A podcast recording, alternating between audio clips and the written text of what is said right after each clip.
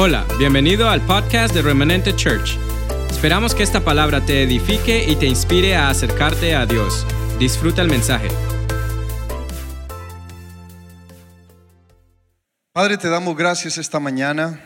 Abrimos nuestro corazón para ti. Te pedimos que tu Espíritu Santo en tu amor y tu misericordia nos cubra.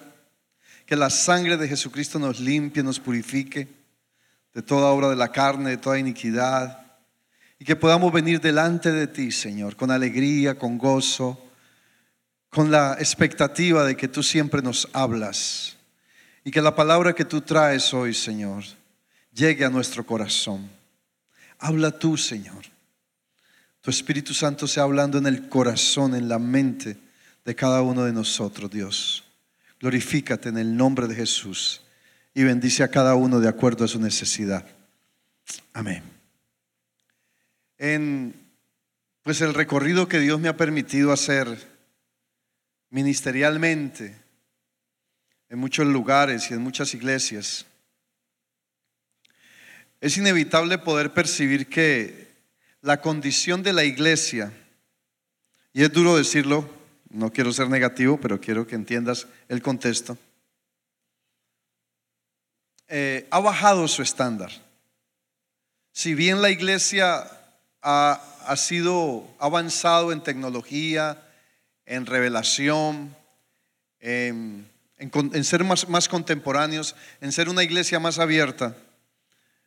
El, el, nivel, el estándar de compromiso, de obediencia, de búsqueda de Dios ha sido afectado, ha sido golpeado. Y, y siempre yo vivo preguntándome, investigando, como pastor, obviamente uno está metido en esto las 24 horas. Y la vida de uno, mm, más allá de la función que, ejerce, es poder en Dios percibir lo que sucede en el ambiente en que uno se mueve a nivel de iglesia. Ese es nuestro mundo, ahí nos movemos. Estamos en este mundo, pero, pero nuestro mundo verdadero tiene que ver con lo que Dios eh, eh, nos ha dado. Hay otro mundo real, que es nuestra realidad diaria que enfrentamos. Pero hay una verdad que Dios ha establecido para nosotros y tiene que ver con, el oficio, tiene que ver con lo que Dios nos mandó a hacer. Entonces, eso nos hace más perceptivos de lo que sucede alrededor. Y, yo veo cómo de una manera u otra, ya hablando, evocándonos un poco a esta nación y al sistema en que vivimos, eh, yo puedo ver que ese estándar es afectado por, por lo que nos rodea. Hay muchos factores que influyen en, en que ese estándar sea afectado y que haya la necesidad de una restauración. ¿Por qué? Porque empecemos por algo simple. Usted y yo fuimos, la mayoría, arrebatados de, un, de una cultura, de un sistema, de un ambiente. Cuando vinimos a este país, cualquiera que fuese nuestra condición, así vinimos a buscar una mejor oportunidad, a cumplir nuestros sueños. La mayoría eh, eh, fuimos arrebatados, fuimos arrancados de, de nuestras raíces, lo que ya hace que se produzca un rompimiento.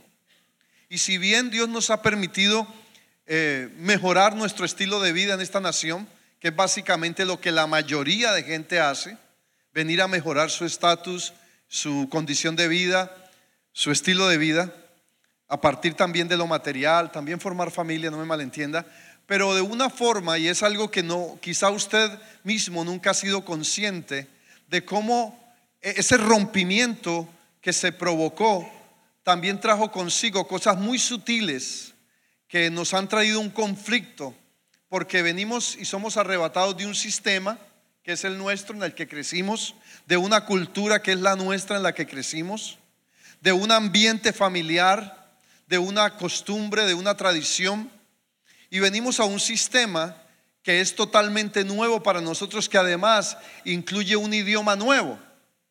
Y eso de por sí, escúcheme, más allá de que seamos conscientes, provoca en nuestra estructura humana, en nuestra estructura del alma, un conflicto. Y trae consigo daño, un daño colateral, por decirlo de esa manera, porque somos afectados por los cambios, somos afectados por, por, ese, por ese desprendimiento, por ese rompimiento que se provoca. Ahora, yendo un poco más allá, venimos con la familia, tenemos hijos aquí o quizás los traemos, y obviamente nuestros hijos asimilan mucho mejor esta cultura, este sistema, porque a diario van a educarse en el lugar donde se injerta el sistema. ¿Me estoy haciendo entender? Entonces obviamente ellos crecen en esta cultura y viene un conflicto que también produce en nosotros, en los padres a veces, si no lo sabemos manejar, cierto grado de frustración e inclusive si no hemos podido ser sanos todavía de ese rompimiento inicial, porque ¿qué hace ese rompimiento? Nos mete en una defensa constante de no perder las raíces, de no perder la cultura, de no perder el sistema que traemos, porque es que somos, tenemos que guardar las buenas costumbres. Entonces, eso trae consigo un conflicto que va, haciendo, que va generando en nuestros hijos una, una confrontación muy sutil con nosotros. ¿Por qué? Porque yo lo decía hace un tiempo, nuestros hijos, eh, quiero hacer toda esta explicación para que entendamos hacia dónde voy a ir esta mañana. Nuestros hijos, lo, lo único que conocen de nosotros es lo que ellos ven aquí. Es lo que nosotros vivimos aquí. E imagínense nosotros tratando de establecer nuestra cultura en este caso hispana, latina, en esta nación, que para ellos es totalmente eh, ajena, o sea, porque ellos viven en, digámoslo así, en, otro sistema, en otra cultura. Entonces, eso ha creado un conflicto que de una manera sutil va afectando las familias, va afectando el ambiente, va afectando el desarrollo, la formación, eh, va afectando y crea un conflicto, digámoslo así, de intereses, aunque no lo creamos. Porque nuestros hijos por respeto valoran o, o no se meten con nuestra cultura, pero no necesariamente la van a asumir como suya. Yo oigo a veces padres muy románticos, no, es que mi hijo, él ama a mi país como usted nos imagina. No, a él le gusta nuestro país. Pero el país que él ama es este. Y algunos hasta dicen, a él le gustaría irse a vivir allá. Claro, porque nuestros hijos cuando van a nuestros países los atienden como reyes. Acuérdense que nuestra cultura, venimos de una, escúcheme, hemos aceptado, y esto que te estoy, te estoy hablando de un problema social, pero lo voy a enfocar a lo espiritual. En nuestros países, cuando llega una persona de una cultura considerada mayor, inconscientemente nos sometemos a ella. O si no, cuando va un americano a nuestro país, ¿qué hacemos? Lo atendemos como un rey. Usted dice, por ejemplo, va a ir un predicador, yo voy a llevar un predicador americano y la gente, wow. Pero si dicen que va a ir un colombiano a mi país, ah, es normal. me, está me estoy haciendo entender de lo que te quiero mostrar. Entonces, todo esto ha creado una problemática que ha afectado nuestra estructura. Y por eso necesitamos restaurar. Usted y yo hemos sido afectados. Usted me dirá, no, pastor, yo ni de mi país me acuerdo. No, hubo un rompimiento. Un día hubo un rompimiento en tu vida. Hace 10, hace 20, hace 30, hace 40, hace 50 años, no importa los años que llevemos aquí, un día hubo un rompimiento. Y tuvimos que sufrir una crisis porque todos cuando llegamos a este país normalmente sufrimos una crisis de adaptación. O dígame el primero que no. Porque hay un cambio. Hay un cambio de sistema, hay un cambio de cultura, hay un cambio de, todo. Entonces eso provoca en nosotros eh, una conducta que a veces inicialmente no entendemos porque todo el mundo nos dice, no, poco a poco te vas adaptando. Y es cierto, poco a poco nos vamos adaptando, pero no sanando.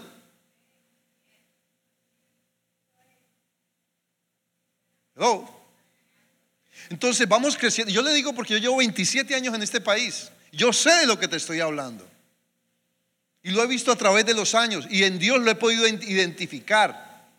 Que si no venimos a Dios y buscamos esa restauración de eso que se rompió, vamos a arrastrar un lastre, vamos a arrastrar, perdóname la expresión, una cola constante que nosotros decimos, pero ¿qué me pasa? ¿Por qué no logro esto? ¿Por qué como que no termino de sentirme completo? Y por eso hoy yo te quiero hablar del poder de la restauración. Porque hay un poder restaurador en nuestra vida que hace que aunque fuimos traídos a esta nación, podamos ser sanos, ser liberados de, aquello que en un momento dado nos detiene, nos frustra, nos roba la identidad, porque hasta eso ha logrado e, e, ese rompimiento. Hay mucha gente que todavía no suelta no suelta y entonces se crea un problema de identidad porque quiere vivir una cultura dentro de otra cultura. Y eso trae un conflicto, trae un conflicto en nuestra estructura, porque fuimos creados para ambientes. Entonces yo, yo necesito asimilar el ambiente donde voy a vivir para que mi corazón sea guardado yo necesito asimilar de que fui traído a esta nación, cualquiera que sea mi situación o la razón por la que estoy en esta nación. Cada uno tenemos una razón por la cual estamos aquí. Y siempre fue una razón importante. Quiero superarme, quiero eh, eh, eh, un mejor estilo de vida. Otros como Joana, y quiero mostrar, esta mañana introducirles a, Henry y a Joana que se, se casaron. Ya, bienvenidos. Felicidades. Entonces, siempre va a haber una razón, siempre va a haber una razón. Entonces, eso va creando en nosotros una manera sutil de rompimiento, de quebrantamiento, de dolor. Algunos quisieron devolverse. O dígame que si no hay uno que un día dijo, yo me voy para mi país. Todos lo vivimos. Yo me acuerdo que cuando yo vine a este país vine con un primo y el hombre a los dos años sacó, tiró la toalla, no pudo más. ¿Me entiendes? ¿Por qué? Porque es enfrentar un mundo que inicialmente no es el nuestro. Pero necesitamos de ese poder restaurador de Dios en nuestra vida para asimilar este sistema, para asimilar de que pertenecemos a este lugar ahora. Porque una de las cosas que nos roba la identidad es la falta de pertenencia. Si no hay pertenencia, no hay identidad si no hay ese I belong to, ese yo pertenezco, no va a haber identidad. Y la falta de identidad daña, daña mis emociones, daña mis pensamientos, daña mi ambiente, daña mi actitud. Y por eso hemos sido expuestos. Y aunque nos hemos superado, amén, hemos avanzado, todavía hay cosas que arrastramos y no identificamos porque nadie nos ha dicho esto que yo te estoy diciendo esta mañana. Y quizá hay algunos que lo reconozcan. Entonces necesitamos identificar el problema para ganarle al, al, tema del sistema. Para que aunque tengamos que enfrentar cosas con las cuales no estamos de acuerdo, podamos realmente vivir en, en un mundo que aunque eh, hablándolo espiritualmente, no es el nuestro, el Señor dijo de que no te pido que los. Que los quites del mundo, sino que los apartes del mal. Entonces yo quiero decirte, es totalmente posible vivir un buen estándar de vida cristiana a pesar de que estamos expuestos a un sistema que, y no hablo solamente del sistema de la nación, porque la nación la amamos. ¿Cuántos aman esta nación? Yo amo esta nación. Yo no permito que se hable mal de, esta nación. Y nunca te hablaré mal. Te estoy hablando de un sistema que en un momento dado somos enfrentados a él y que no podemos dejar que nos absorba y afecte nuestra fe, afecte nuestros principios, afecte los que somos, afecte nuestra identidad, afecte nuestra pertenencia. Amén. Y obviamente termine afectando nuestro estándar. Por eso quiero hablarte de ese poder de restauración, porque hay cosas en nuestra vida que necesitan ser restauradas, que necesitan, que fueron afectadas porque fueron expuestas. Y, y como les digo, de una manera u otra, por, no importa, hasta la mejor manera, hubo algo que siempre nos lastimó. Y especialmente estos tiempos, cuando hay eh, una, una, un ambiente de intimidación por lo que sucede, por lo que está pasando, que es real, no es irreal. Hoy pasó en Texas, ayer pasó en Texas. En cualquier momento, Dios guarde, pasa en otro estado. Entonces, se va creando un ambiente de temor que se vuelve un poco cultural y lo terminamos aceptando, pero aunque lo aceptemos, no deja de afectarnos. ¿Me está entendiendo, iglesia? Me estoy haciendo entender. Entonces, por eso la necesidad de hablar hoy de, de restauración. Necesitamos ser restaurados de aquello que nos expuso la identidad, que nos robó identidad, que nos robó pertenencia, que trajo un rompimiento, que trajo, que, que, que me separó de algo que yo amaba.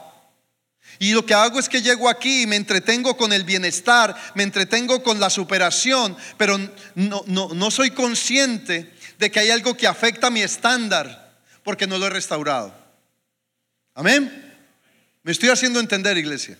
Entonces, habiendo hecho esta introducción, yo quiero que ahora abramos nuestras Biblias en, Hechos, capítulo 3, y entendamos de que, de que Dios nos dio la capacidad de que identificáramos esta problemática, no importa dónde estuviéramos. Vaya un momentico a, a Hechos capítulo 3.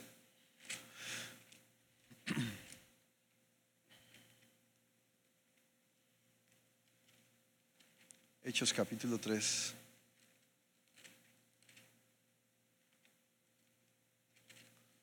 versículo, vamos a leer a partir del versículo 19, 18. Dice Hechos 3, 18, pero Dios ha cumplido así lo que había antes anunciado por boca de todos sus profetas, que su Cristo había de padecer. Así que arrepentíos y convertíos para que sean borrados vuestros pecados, para que venga la presencia del Señor tiempos de refrigerio.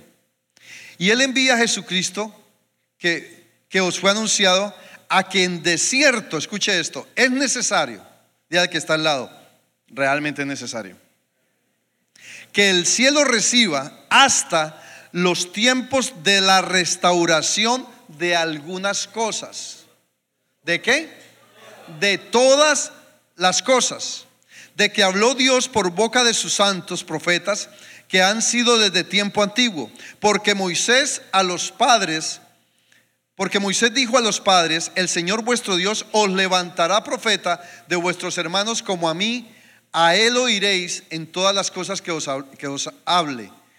Y toda alma que no oiga a aquel profeta será desarraigado de su pueblo. Pero escuche esto. Y todos los profetas de Samuel en adelante, ¿cuántos han hablado también han anunciado estos días? Vosotros sois los hijos de los profetas y sois los hijos del pacto que Dios hizo con nuestros padres, diciendo a Abraham, en tu simiente serán benditas todas las naciones, incluida esta. Entonces, es importante que nosotros sepamos que hubo algo que fue lastimado, pero que también hay una promesa de bendición para que haya restauración y para que la bendición no se nos vuelva cargosa. Para que la bendición que nosotros venimos a disfrutar en esta nación sea de la mano de lo que Dios dijo, de lo que Dios estableció, de lo que Dios pactó. Y Dios pactó, déjeme parafrasearle esto, cuando dice que en Abraham son benditas todas las naciones, es que todo significa que todo lo que pise, aquello que hereda de Abraham, será bendito. ¿Qué significa? Que tú y yo heredamos de Abraham. Porque somos parte de la promesa. En Cristo somos parte de la promesa. Por lo tanto, hay un derecho legal de restauración, de bendición. Y Dios te trajo a este país para que tú seas sanado, seas restaurado, no solamente bendecido económicamente. Hay una promesa más allá. Y es que nosotros somos portadores de bendición para que esta nación sea bendecida. Dale ese aplauso al Señor. Pero si yo sigo evocando, anhelando el sistema que traía, porque ningún sistema va a estar por encima del sistema de la palabra. Entonces nosotros venimos de allá, también quizá lastimados, huimos o salimos porque nos obligó las circunstancias, el sistema, la condición de vida, porque queríamos otro. Entonces empezó como hay, un dilema emocional, hay un dilema en el alma. No fuimos sanos de un sistema, pero vinimos a ser lastimados por otro. Hello. Pero hay una promesa que cubre todo aquello. Hay una promesa de bendición que me permite reconocer que Dios me trajo a esta nación para que yo sea restaurado, para que yo sea sanado, para que yo sea liberado, para que yo crezca, para que yo madure y para que disfrute de aquello que la promesa incluye. Amén. Y eso tiene, escúchame, necesitamos ser conscientes porque la generación que se está levantando yo quiero abrirte mi corazón en algo. Para mí, en el caso de Cristian, ya está casado, ya es, él sabe lo que, lo que quiere. Espero. Bueno, ya supo lo que quería. Pero Lucas, a veces tengo que pensar en cosas como esta. Yo te estoy hablando en la práctica esto, porque yo soy papá de un niño que nació en esta nación. Y que yo no puedo presionarlo a que asimile una cultura, escúcheme, ojo con esto que te voy a decir, un sistema que tú y yo defendemos cuando si era tan bueno, ¿por qué fuiste arrebatado de él? ok, papá, mamá, tú me quieres inculcar un sistema que supuestamente es muy bueno, mejor que el mío, pero entonces, ¿por qué no estás allá? Hey. Entonces, vengo a la promesa. El de allá me lastimó y el de acá también. Por eso necesitamos restauración. Y te voy a decir algo, esa restauración nos tiene que llevar a un proceso de madurez. Porque la restauración no tiene que ver con prueba. La gente cree, y la religión nos ha hecho creer, que para yo ser sano, para yo ser restaurado de algo que fue roto, obviamente cuando hablamos de restauración estamos hablando de algo que fue roto, que fue quebrado. Y la gente cree que para yo ser sano, la religión nos ha vendido la idea que para yo ser sano de aquello que me lastimó, tengo que sufrir, tengo que pasar una prueba. Y la religión me vendió el hecho de sufrimiento para obtener beneficio. Pero cuando yo voy a la palabra, la palabra me dice todo lo contrario. Cuando nosotros hemos sido arrebatados, quebrantados y rotos de un sistema, significa que necesitamos restauración. ¿Estamos? Y si necesito restauración, la palabra me dice, venid a mí todos los que estéis, ¿qué? Mateo 11:24, cansados, cargados, que yo os haré, ¿qué? Descansar. Entonces, cuando yo entiendo esto, yo te quiero llevar como tu pastor a entender esto por la palabra. ¿Por qué?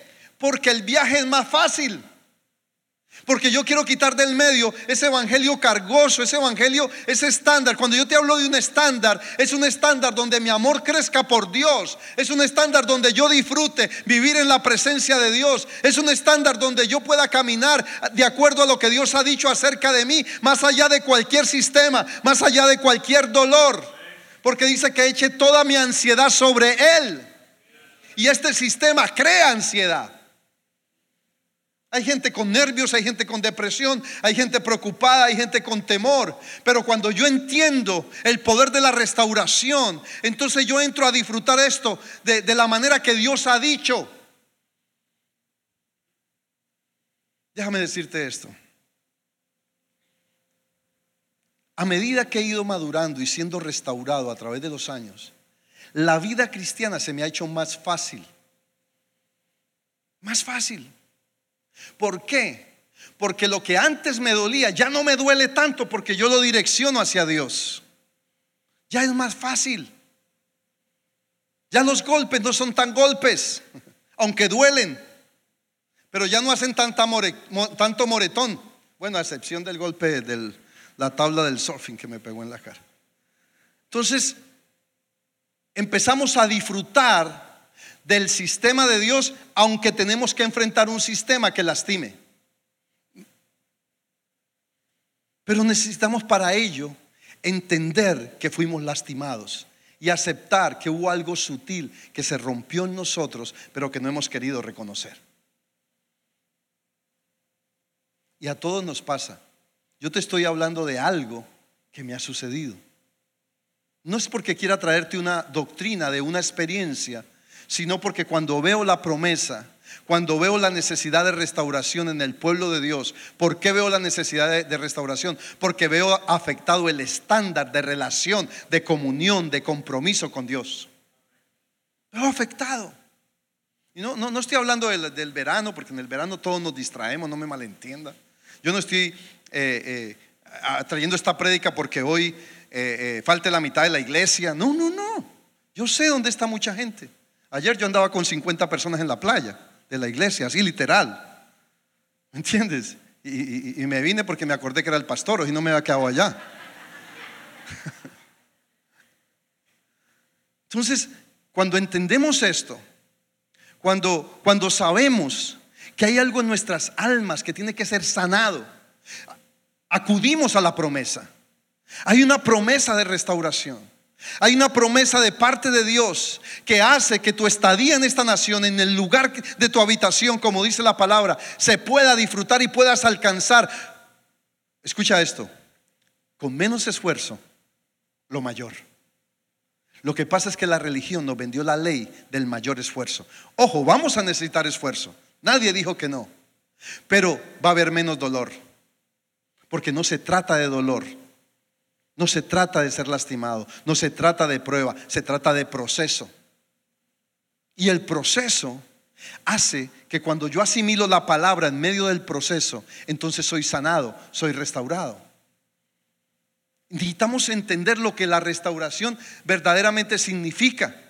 Lo que ese poder, porque desde la caída de Adán, Dios ha estado trabajando con el hombre para restaurarlo en diferentes sistemas. El hombre ha estado expuesto a diferentes sistemas, por lo menos siete sistemas culturales. El hombre ha tenido que enfrentar desde la caída de Adán, Babilonia, Egipto, Persa, Medo-Persa, Grecia, Roma. Sistemas a los cuales el hombre siempre estuvo, el ser humano estuvo siempre expuesto a través de los, de los siglos.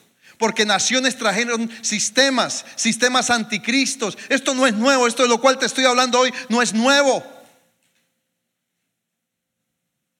Hubo siempre un sistema que enfrentar. El pueblo de Dios, la humanidad, siempre ha tenido que enfrentar un sistema. Pero lo que pasa es que la iglesia no se puede hacer ajena a lo que está viviendo, a lo que lo está rodeando, porque ese sistema nos puede permear o nos está permeando y afecta nuestra visión de lo que es real en Dios. Porque la realidad es una, hay maldad, hay pecado, hay destrucción, hay perversión, pero hay una verdad de parte de Dios que me dice que yo, que tú y yo somos un instrumento de bendición en medio de un sistema que aunque no es bueno, aunque está dañando, nosotros podemos hacer la diferencia. Pero tenemos que guardar el estándar. ¿Qué está pasando con mi estándar? Pregúntemelo. Pregúnteselo. Yo me lo pregunto. ¿Cómo está mi estándar de compromiso? Y no porque sea el pastor, escúcheme, yo no soy lo que soy porque soy un pastor, yo soy lo que soy por lo que Cristo ha hecho en mí. Amén. Así que no me rotule dentro de, ah, usted lo ve así porque es el pastor. No, usted también lo puede ver como la palabra lo dice. Pero yo no voy a dejar que el sistema me siga afectando cuando yo tengo una promesa y una capacidad de ganarle al sistema por el poder de Cristo en mi vida, porque el Señor hizo una obra por ti y por mí, de tal forma que no importa en qué cultura, en qué sistema vivamos, tenemos la capacidad de ser guardados y de ser protegidos de cualquier sistema que nos quiera destruir. Porque escúchame, todo lo que provoca enfriamiento, todo lo que provoca indiferencia, todo lo que provoca baja autoestima, todo lo que provoca depresión, temor, como ahora, hay gente que tiene temor. Claro, hay razón para estar atemorizado. Hay un sistema que por un lado juzga las masacres, pero por otro lado protege las armas. ¿Me entiendes? Entonces, ¿qué hacemos? Y cada uno, y, y ellos están en su derecho. Porque las leyes los amparan. Yo no estoy en contra de las leyes, las leyes los amparan. Entonces, es un sistema que tenemos que enfrentar y no podemos hacernos ajenos. Un sistema, cualquiera que sea, sea allá o sea acá, fuimos afectados. Pero también hay un sistema que es mayor, que es el sistema del cielo, el sistema del reino, el sistema de Dios, que fue diseñado para vivirlo en la tierra, no en el cielo. La religión nos enseñó que ese sistema estaba hecho cuando allá se pase lista, más allá del sol. No, este sistema fue diseñado para vivirlo aquí. Así que tú y yo, si nos alineamos con Dios, entonces vamos a tener la capacidad de ser sanados, de ser restaurados de cualquier sistema que nos haya afectado y disfrutar de la bendición que fue permeada, que fue marcada en nosotros para cubrir la tierra.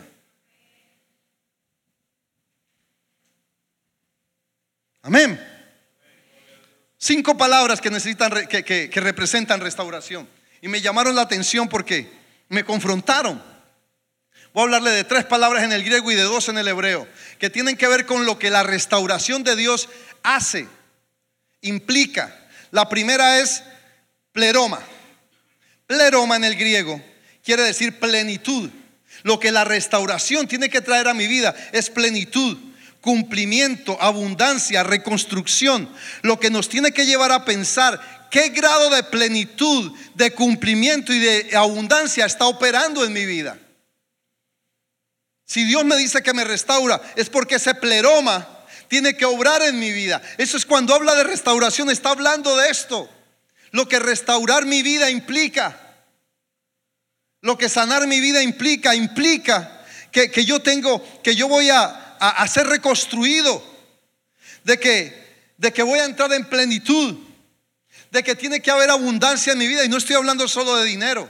Abundancia de vida. Es cuando sí, los problemas van a venir, pero escúchame. ¿Por qué, ¿Por qué hablar de restauración? Porque si no hay restauración mantengo en un conflicto constante. Y ya les he enseñado ese conflicto y lo voy a repetir siempre que tenga la oportunidad. Ese conflicto me crea un problema. Ese problema me empieza a traer crisis. Y eso es lo que ha pasado. Mucha gente en este país ha entrado en conflicto por algo que no identifica y ha terminado en problema y ha terminado en crisis y finalmente se siente autodestruido. Porque primero el conflicto sin resolver provoca problema, el problema sin resolver provoca eh, eh, crisis, la crisis sin resolver provoca destrucción. Entonces yo he visto mucha gente que, que ni aquí ni allá, cantando la canción de Mercedes Sosas, no soy de aquí ni soy de allá, tengo un problema de identidad, algo así más o menos. ¿Ah? ¿Sigo predicando? Luego mejor que cantante, ¿cierto? Entonces, la segunda palabra es apocasistemi. Apocasistemi. No se la tiene que aprender, ya le he dicho. Es la misma palabra usada en Hechos 21 cuando habla de restauración. Y tiene que ver con restablecer, restituir, volver al diseño original. El diseño, escúchame, tú y yo somos parte de un, de un diseño que está siendo afectado, que está lastimando el estándar.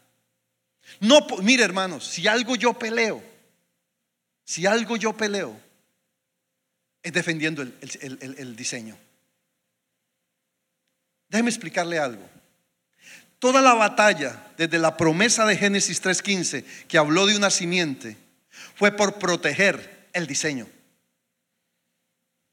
que Cristo traía para la humanidad.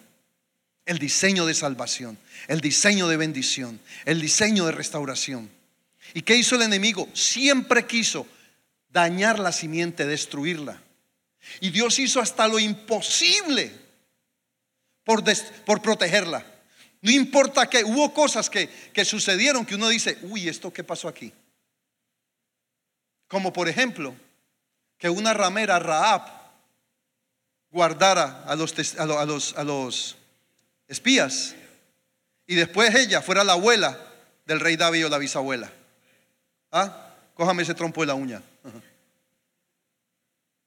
Que para guardar la simiente, Judá, el tercer o cuarto hijo de Jacob, tuviera relaciones con su nuera, que se disfrazó de prostituta, para proteger la simiente. ¿Mm? Cosas raras.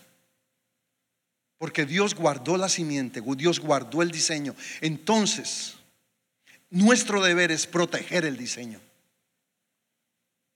Hello. ¿Cuál diseño? Este. Que se nos fue entregado, que se nos fue implantado. Y le puedo seguir contando barbaridades que pasaron. Que usted dice, venga acá. La otra palabra, casistemi. El otro fue apocasistemi y este es casistemi. Casi. Que tiene que ver con colocar designar, constituir, hacer perfecto algo o poner sobre como parte de nuestra restauración es que Dios nos pone arriba y no abajo, por cabeza y no por cola. Escúcheme, la promesa, el diseño de Dios es que la restauración nos ponga en un lugar, déjeme decírselo de esta manera, el lugar donde tú te ubicas determina tu capacidad de bendición. Otra vez, el lugar donde tú te ubicas. ¿Por qué hablo de lugar? Porque el Señor dijo que somos cabeza y no cola. O sea, nos está dando un lugar. El Señor dijo que estamos arriba y no abajo, nos está dando un lugar. Entonces, el lugar donde yo me ubico, si me ubico como cabeza, representa mucho. Si me ubico como cola, la cosa cambia. Si yo estoy arriba, tengo una mayor visión. Si estoy abajo, no veo nada. Entonces, el lugar donde yo me ubique va a determinar mi capacidad, mi poder de restauración también. ¿En qué condición yo estoy? Porque eso es parte del diseño. Amén. En cuarto lugar, la palabra hebrea yatar tiene que ver con preservar, permanecer, sobreabundar. Esto es lo que una vida restaurada tiene que proyectar. Porque es que hemos, escúcheme, voy a decir algo que puede sonar un poco fuerte, pero quiero que me entienda. Nosotros no podemos tener una mente tan limitada de pensar que porque tengo un buen trabajo, tengo una buen, un buen beneficio económico, soy próspero. Si usted piensa así, revise el chip. Porque dinero se puede acabar mañana. ¿O no? Pero hay algo que permanece es cuánto de esto, mi verdadero tesoro, es cuánto de esto se ha implantado en mí. Eso no te lo arranca nadie. Entonces, si vamos a hablar de prosperidad, de restauración, hablemos de mi estándar, de tu estándar, de cuánto hay una capacidad de entrega a Dios o cuál es mi capacidad de entrega, de búsqueda, de amor, de anhelo por Dios. Porque si estás perdiendo eso, algo en tu vida necesita restauración. Porque te voy a decir, yo no amo a Dios porque soy pastor. Él me llamó a ser pastor. Yo amo a Dios porque porque él me enamoró. Porque es que esto es muy rico caminar en esta vida. Porque es que esta vida cristiana, déjame decírtelo, cada día Dios me la hace más fácil. Cada día. Porque la religión nos la complicó pero nos la, nos la complicó. La tradición nos la complicó. Y yo te quiero evitar que se la compliquemos a nuestros hijos. Es nuestra responsabilidad levantar una generación que cuando ya nosotros no estemos, ellos sigan hablando de Dios. Porque si seguimos así, con ese estándar tan bajo, cuando los adultos mismos y Dios, bien, gracias. ¿Y tu relación con Dios? Ahí vamos. ¿Y tu estándar? Eh. ¿Qué podremos decir de ellos? Cuando nosotros andamos enredados en conceptos, mira, no dejemos que se perviertan las buenas costumbres, no, los valores no, los principios menos. Pero dejemos aún nuestro, hoy por hoy la manera de juzgar cambió. Hoy, la gente critica mm, y no le da ni, ni, ni escalofrío, ni pena le da. Hoy la gente juzga a alguien así, pa, lo parte por la mitad. Mm. ¿Sabes por qué? Porque el estándar se ha venido abajo.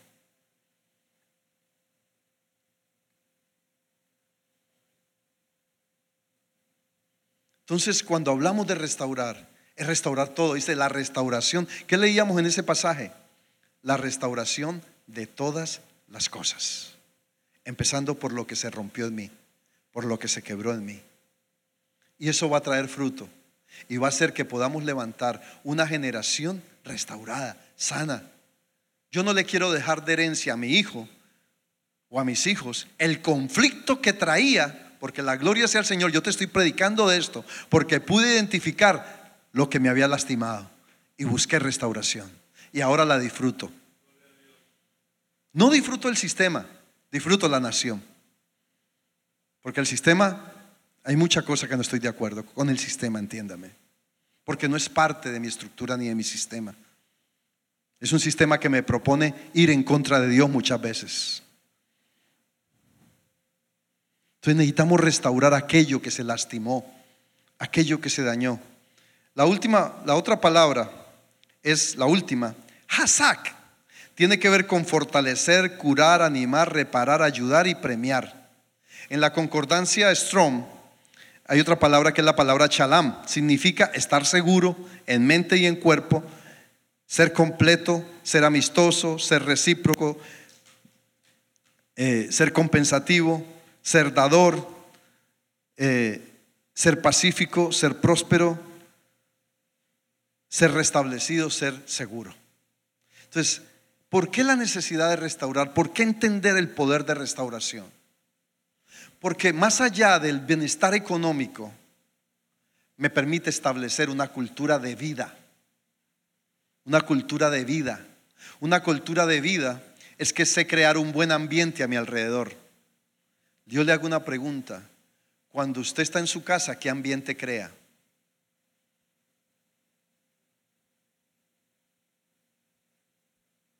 ¿Qué ambiente estoy creando en mi entorno? Yo a veces me, le complico la vida a mi esposa y le creo ambiente y tengo que reaccionar.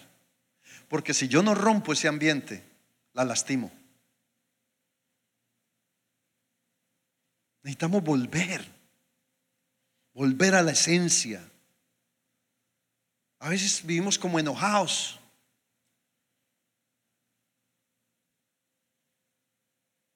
Como que todo nos molesta de la nada. Porque necesitamos restauración. Porque necesitamos sanar.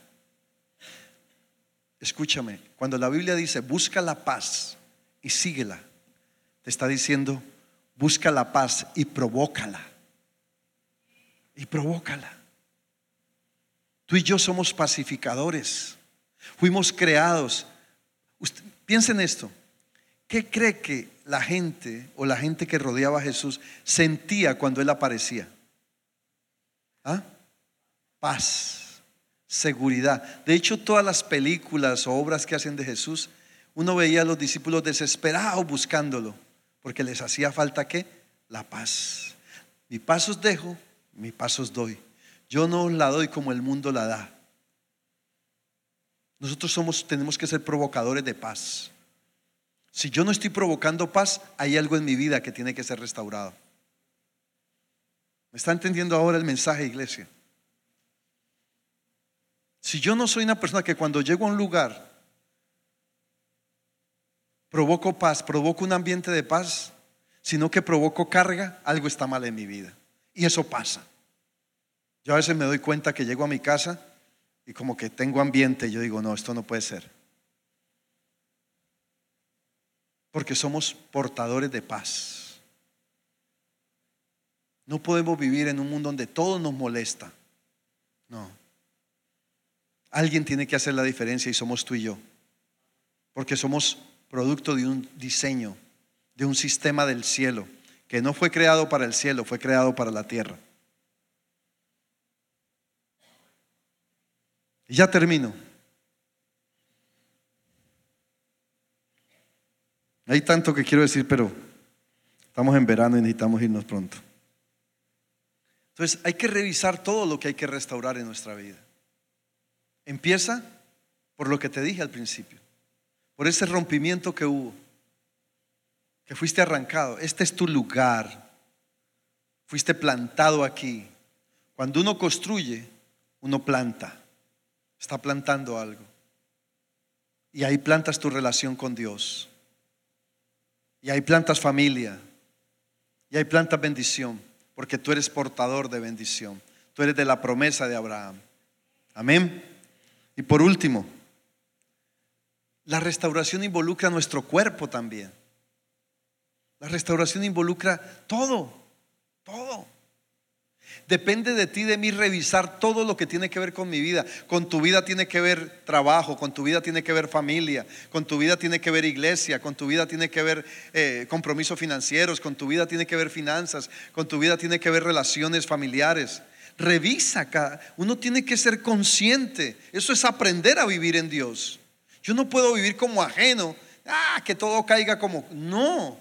Hay que revisar cómo va mi vida familiar, cómo va mi vida de iglesia, cómo va mi vida de familia, de amistades, cómo va mi vida laboral, cómo va mi vida financiera. ¿Cómo va mi vida relacional? Somos creados para, para vivir bien. Todos somos parte de todos. Dios no hizo llaneros solitarios. Somos parte de, de un mundo que, que tiene un propósito. Pero si no hay restauración, siempre nos llevaremos a la gente por delante. Y entonces no, escúchame, no disfrutaremos de los beneficios. Hay gente que no está disfrutando de los beneficios porque no ha dejado que su vida sea restaurada. Termino con esto. Marcos 10, 29 y 30, rapidito, para que usted vea los beneficios de la, de la restauración, de muchos beneficios que ya le he nombrado. Marcos 10, 29.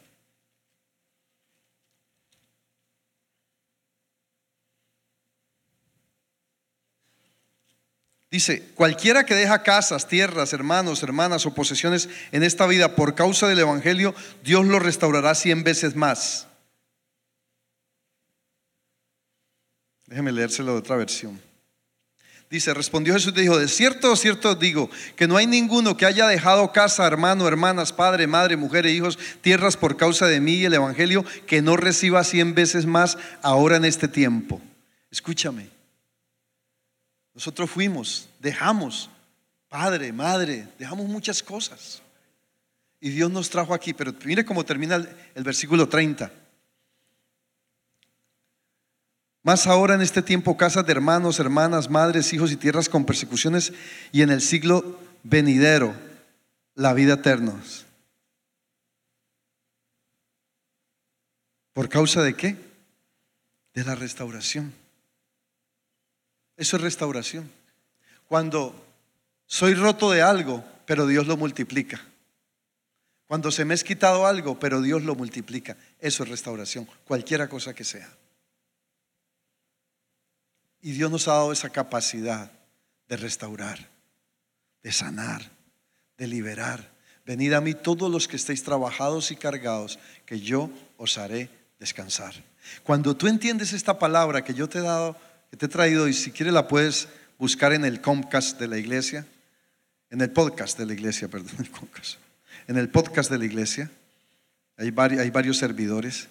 Escúchala y piensa, ¿qué todavía rastro desde que llegué a este país que no me libera? Que no hace que esto sea fácil. Porque si yo llevo 10, 15, 20 años en este país y todavía pienso que esto es más duro, Vamos a añorar cosas, no me malentienda. Añoramos la raíz, añoramos la familia, añoramos la tierra, añoramos, eso es otra cosa, eso es parte del deseo. Pero eso no puede hacerte cambiar de opinión. Yo nunca haré nada que Dios mismo no direccione. Eso es lo que trato de hacer. Para guardarme en restauración. Amén. Y te voy a decir y termino, en mi último término. Vas si dejas que el poder restaurador de Dios te alcance, tú vas a ver que todo es la ley del menor esfuerzo. Dios no nos creó. Ahora, nos esforzamos, no me malentienda, por una meta, por un sueño. Pero para alcanzar las cosas, aprendemos en Dios a vivir en la ley del menor esfuerzo. Yo siempre dije desde muy joven, desde muy pequeño, si a ti te cuesta esto, 100 dólares, esa tablet que hay ahí, pero yo la consigo legalmente en 10, ¿quién tiene más virtud? Porque la compraste en 100, ¿no? Yo tengo la misma tablet y no se hace más barata porque la haya comprado por medio, menos valor. ¿Me están entendiendo lo que le estoy diciendo?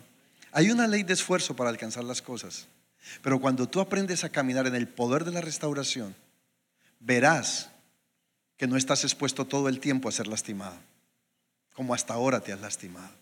Amén. Ponte de pies.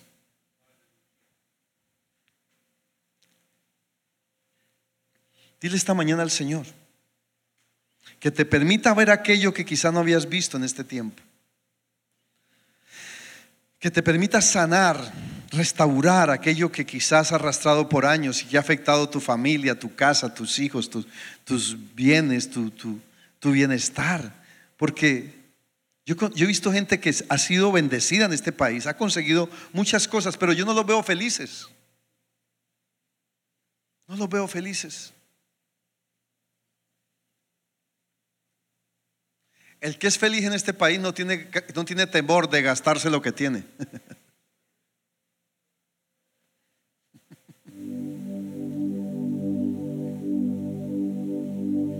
No me malentienda, y hay que ahorrar, obviamente, para dejar herencia. ¿Ya? Pero gasta, disfruta. No, no, no, no dejes que te alcance la canción con plata en el banco y con la misma ropa anda, compadre. Y ya te estás poniendo flaco. Están teniendo la canción. No, entiéndame lo que le estoy diciendo. Disfrute en Dios. Cuando hay restauración se disfruta. Y a eso nos llamó Dios. Dios no nos llamó aquí a ser caballitos de carga, nos llamó, nos trajo a esta nación para ser bendecidos, para bendecir a otros. Tú eres portador de bendición para disfrutar el viajecito, para salir de la amargura, de, ese ambiente de enojo, de molestia, que todo nos molesta. Disfrutemos y verás cómo cambia la cosa y cómo somos restaurados y sanados por Dios. Señor, obra Dios como tú sabes. Libera el poder restaurador sobre nuestras vidas esta mañana. Haznos conscientes de cualquier cosa que nos lastimó y, y no la hemos identificado, Señor, para que podamos disfrutar de lo que tú eres, de lo que tú haces, de lo que tú contienes, Señor. Bendice tu pueblo, tus hijos. Bendice la nueva generación que se está levantando. Danos la sabiduría, danos el acierto, Señor, para conducirlos, para entenderlos, pero sobre todo para amarlos, Dios. Bendice cada uno de mis hermanos esta mañana y entramos en ese reposo. Entramos y declaramos que somos parte de la bendición de Abraham para bendecir esta nación. En el nombre de Jesucristo. Esperamos que este mensaje haya sido de bendición. No te olvides de suscribirte a nuestro podcast y seguirnos en Facebook e Instagram arroba remanente church.